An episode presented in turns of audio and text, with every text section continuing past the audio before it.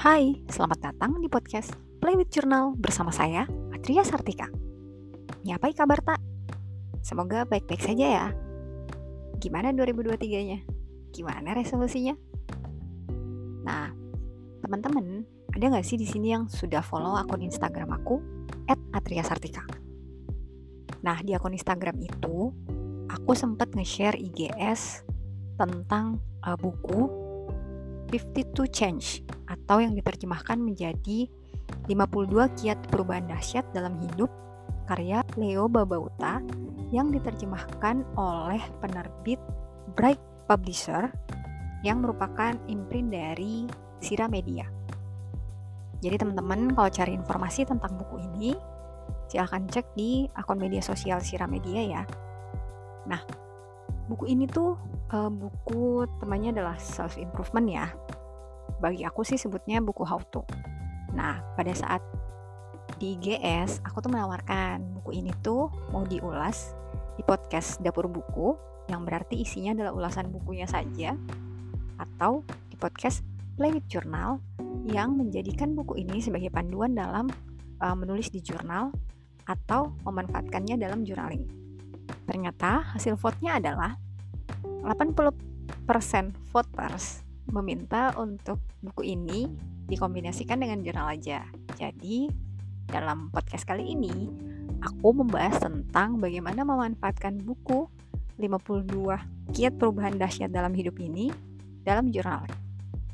Nah, buku ini tuh uh, menarik ya, karena uh, seperti yang aku sebutkan sebelumnya, ini tuh jenis buku how to yang isinya tuh uh, ada tahapannya secara detail agar kita bisa mengaplikasikan apa yang kita baca.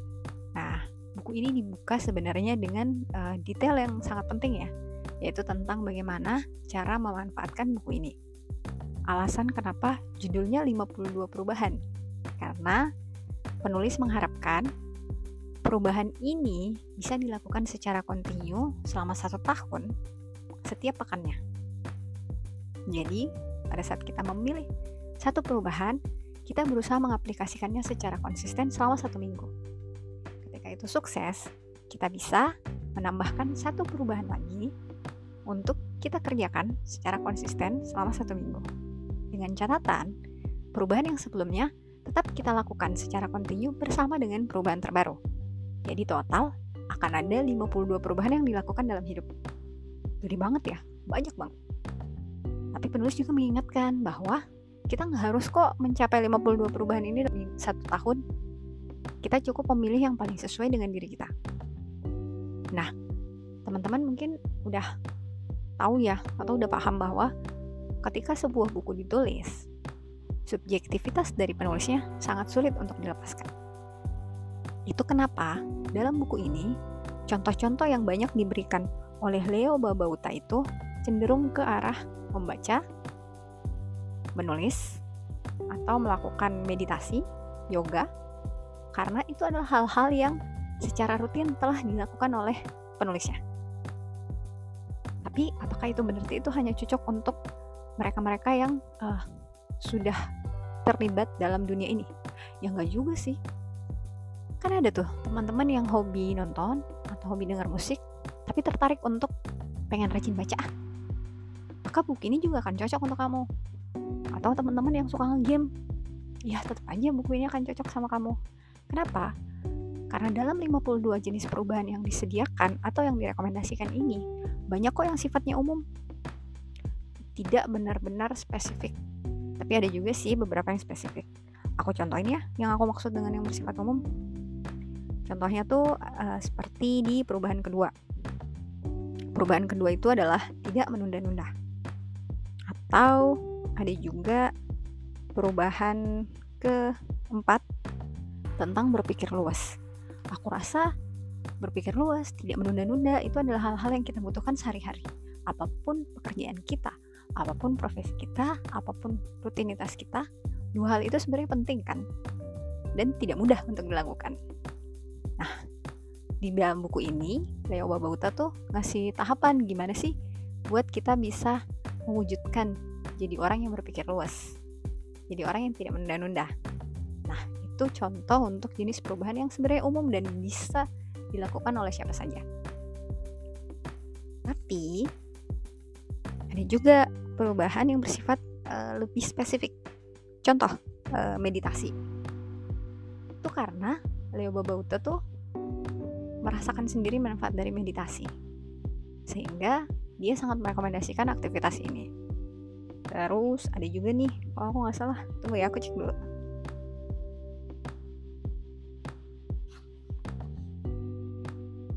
Nah, ada juga di perubahan ke-29 yaitu membaca.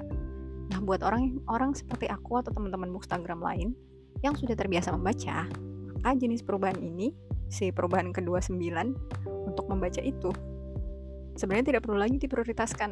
Mungkin yang bisa teman-teman lakukan adalah membuatnya lebih teratur. Oke, udah jelas ya? Aku udah ngasih gambarannya. Sekarang kita maju yuk ke salah satu step uh, gimana sih cara memanfaatkan buku ini dan menjadi panduan dalam bikin jurnal kita? Aku udah milih nih, uh, yaitu perubahan ke-17. Itu bersyukur. Uh, target perubahan ini adalah kita tuh berlatah memanjatkan rasa syukur setiap hari. Teman-teman punya bayangan gak sih? Ini bisa diaplikasikan ke jurnal apa? Untuk yang sudah dengarkan episode-episode sebelumnya, Play with Journal, teman-teman pasti udah tahu Yes, itu adalah gratitude journal. Nah, di dalam buku ini, dengan penjelasannya, itu tuh bisa lebih meyakinkan teman-teman kenapa sih kita start gratitude journal. Leo Babauta tuh menjelaskan mengapa kita perlu melakukan perubahan ini. Dia menuliskan bahwa rasa syukur adalah salah satu cara terbaik untuk menemukan kepuasan. Kita sering merasa tidak puas dalam hidup kita, menginginkan yang lebih banyak lagi, sebab kita tidak menyadari betapa banyak sesungguhnya yang kita miliki. Yes, aku setuju. Nah, kalau teman-teman belum pernah melakukan uh, terbiasa melakukan gratitude journal, maka tahapan dari perubahan ke-17 ini bisa teman-teman aplikasikan sambil ngejurnal. Aku bacain ya tahapannya. Nah, tahapan pertama, bertekadlah untuk selalu memanjatkan rasa syukur selama 2 menit pada pagi hari atau tepat sebelum Anda tidur pada malam hari. Nah, di sesi ini, teman-teman boleh tuh ditemenin satu buku dan satu pena. Nulisnya nggak harus panjang. Teman-teman bisa menulisnya berupa list. Entah nulis kayak tiga hal yang aku syukurin hari ini. Dan itu tiap hari menulis minimal tiga hal yang disyukurin. Lama-lama, pasti akan makin mudah untuk mensyukuri hal-hal yang kita punya. Bahkan di saat-saat terberat. Kemudian di tahapan kedua, setelah tekad sudah ada dan bekal buku dan notesnya, buku dan penanya juga sudah ada, teman-teman cukup duduk di satu tempat tanpa ada gangguan, pejamkan mata dan pikirkan apa-apa yang Anda wajib syukuri dan orang-orang yang Anda merasa perlu berterima kasih kepada mereka, kemudian tersenyumlah. Biasanya ini kalau kita lagi males banget bikin perubahan, kita kan cari alasan. Aduh aku nggak punya nih tempat yang tanpa ada gangguan. Apalagi ke ibu-ibu kayak aku ya. Kita tuh sambil ngurus anak sambil ngerjain ini itu kayaknya nggak ada deh kesempatan tanpa gangguan. Nah di sini kita perlu mikirin kapan ya kira-kira? Dua menit aja dua menit aja dari 24 jam kita punya kita sempat untuk uh, duduk tenang dan bisa menulis sebentar saja. Nanti coba deh dua menit tuh bisa nulis buat berapa lama berapa kalimat sih? Aku yakin lah bisa untuk 20 kalimat 10 kalimat. Jadi sekadar menulis aku bersyukur hari ini bisa tidur siang kayak gitu. Itu kesyukuran loh karena nggak semua orang dapat kesempatan tidur siang kan? Nah aku yakin sebenarnya kita selalu punya dua menit ini hanya tinggal memikirkan kapan ya kenapa disaran disarankan sebelum uh, sebelum tidur atau pada saat bangun pagi. Biasanya ibu-ibu tuh kan yang paling pertama bangun ya di rumah. Boleh tuh selesai buat yang muslim selesai sholat, terus ambil buku jurnalnya, tulis deh apa yang disyukurin kemarin. Atau sebelum tidur pada saat anak-anak sudah tidur, sebelum ngerjain pekerjaan rumah mungkin atau selesai mengerjakan pekerjaan rumah sebelum tidur. Teman-teman, duduk dua menit aja dan mikirin apa sih yang disyukurin hari ini? Kadang tuh mama tuh syukuran bersyukurnya tuh untuk hal-hal detail tapi kecil. Kayak bisa loh. Alhamdulillah akhirnya anak aku sembuh setelah pilek sekian hari gitu. Atau alhamdulillah anak aku sembuh setelah uh, diare sekian hari kayak gitu. Itu hal-hal yang kita syukurin gitu nah kemudian ada juga nih aku ini sih cukup setuju nih yang untuk bagian ketiga yaitu luangkan waktu sebentar untuk mensyukuri hal-hal negatif dalam hidup Anda. Negatif di sini tanda kutip. Selalu ada dua cara untuk melihat sesuatu. Kita kerap memikirkan sesuatu sebagai hal negatif, yang penuh tekanan, berbahaya, menyedihkan, tidak menguntungkan, menyulitkan. Tetapi hal yang sama dapat dilihat di dalam cara yang lebih positif. Mensyukuri semua itu adalah cara yang bagus untuk mengingatkan diri Anda bahwa ada yang baik dalam segala hal. Masalah bisa dilihat sebagai peluang untuk tumbuh menjadi kreatif. Nah, kalau aku, aku selalu menganggapnya sebagai masalah apa pun itu sebagai ruang belajar. Jadi, ya belajar kan kita kadang gagal ya. Ya udah, siap-siap remedial gitu. Mudah-mudahan setelah remedial udah lulus gitu. Jadi, ya nggak aja ruang belajar. Kita pasti berusaha untuk dapat nilai baik kan. Kalaupun ternyata nilainya nggak sebaik yang kita harapkan, ya selama kita masih punya nafas, masih punya waktu, masih ada kesempatan buat remedial. nah, pasti banyak yang ngomong, ya itu mah buat gratitude journal aja, eh, nggak uh, butuh panduan buku ini. Aku ngerasa buat teman-teman yang belum terbiasa untuk membuat target-target dalam hidup atau membuat eh, resolusi-resolusi uh, atau merencanakan sesuatu dengan matang, buku panduan seperti buku ini tuh penting. Kenapa? Biar kita tahu kita harus mulainya dari mana. Nah ini ada salah satu nih perubahan ke-8. Perubahan ke-8 ini adalah bersihkan rak. Nah, bersihkan rak ini itu tuh sebenarnya karena ruangan yang bersih itu memberikan rasa tentram sedangkan yang ruang berantakan merupakan bentuk gangguan visual. Ini tuh benar. Kalau rumah kita sering berantakan kayak rumahku cukup mengundang stres. Tapi kalau ruangnya rapi bersih emang kita jadi lebih ini ya lebih merasa lebih bebas lebih leluasa kayak gitu. Nah di dalam buku ini tuh ada tahapan apa yang harus kita lakukan bagaimana uh, pertama pilih satu rak atau permukaan datar lainnya meja pajangan meja biasa dan lain-lain sisihkan 10 menit atau lebih untuk membersihkan tempat ini ini benar-benar buku panduan ya kita diberitahu pilihan tempatnya itu seperti apa waktu yang dibutuhkan kira-kira seperti berapa berapa lama. Nah, terus gimana Kak memanfaatkan jurnal untuk hal seperti ini? Teman-teman bikin tracking. Nah, bisa uh, bisa googling juga sih, bisa search di YouTube tentang tracker. Biasanya yang muncul tuh uh, halaman bullet journal. Salah satu jenis jurnal. Terus apakah sekedar fokus ke tracker juga bukan eh bukanlah bentuk jurnal? Bagi aku, segala bentuk catatan yang dilakukan secara kontinu itu udah masuk jurnal termasuk teman-teman hanya menyediakan satu buku isinya tracker jadi karena uh, pekan ini mau fokus membersihkan rumah. Maka teman-teman mengaplikasikan perubahan ke-8 ini yaitu bersihkan rak. Teman-teman bikin trackernya. Jadi oh rumah aku tuh gede.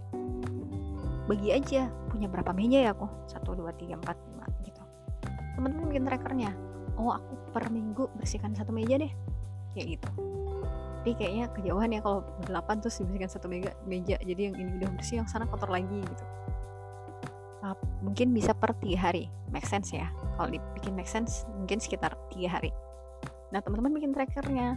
Hari pertama uh, hari ini hari Senin. Aku bersihkan meja di ruang makan. Terus hari uh, hari Kamisnya teman-teman bikin trackernya. Aku membersihkan meja di ruang tamu kayak gitu. Itu teman-teman tracking tuh. Tracking gimana? Ya ditandain yang udah dibersihkan beneran sama yang belum karena nanti pada saat semua meja atau rak itu sudah dibersihkan pada saat semua tercentang kita akan merasa lebih puas. Dan kita merasa bahwa ternyata nggak mustahil ya melakukan hal itu. Nah semua perubahan-perubahan ini bisa teman-teman buatkan trackernya. Contoh, perubahan pertama yang meditasi. Kita bikin aja targetnya mau meditasinya setiap hari setiap berapa menit. Lama setiap hari aku meditasi 5, 5 menit deh gitu ya udah teman-teman bikin tracker selama 30 hari tulisan di atas meditasi tracker. Nah begitu teman-teman uh, sudah melakukannya dicentang kalau gagal ya udah dikosongin atau diberi ini di blok dengan warna hitam gitu. Jadi biar mengingatkan teman-teman bahwa ada perubahan loh. Contoh walaupun di satu bulan pertama teman-teman hanya berhasil mencentang tujuh kali. Paling tidak teman-teman sudah berusaha melakukan tujuh kali. Berarti bulan pertama kita gagal. Ya udah nggak apa-apa asal dilanjutkan. Jangan berhenti. Itu salah satu prinsip journaling loh. Boleh berhenti uh, boleh bolong tapi jangan berhenti. Itu menurut aku ya. Dalam journaling tuh kalau kita gagal ya udah uh, pelajarin aja gagalnya kenapa kemudian ikhlaskan terus lanjutin lagi karena kalau teman-teman sudah merasa gagal dan berhenti di kegagalan itu ya udah pasti berhenti ngejural juga sih. Bener gak oke deh ini kayaknya episode podcast terlama di Play with Journal. Jadi aku tutup sampai sini. Semoga tips ini bermanfaat untuk teman-teman. Dan semoga berjodoh dengan buku uh, 52 Change ini atau 52 kiat perubahan dahsyat dalam hidup ini. Dan semoga episode ini bermanfaat bagi teman-teman. Oke deh sampai ketemu di episode berikutnya. Bye bye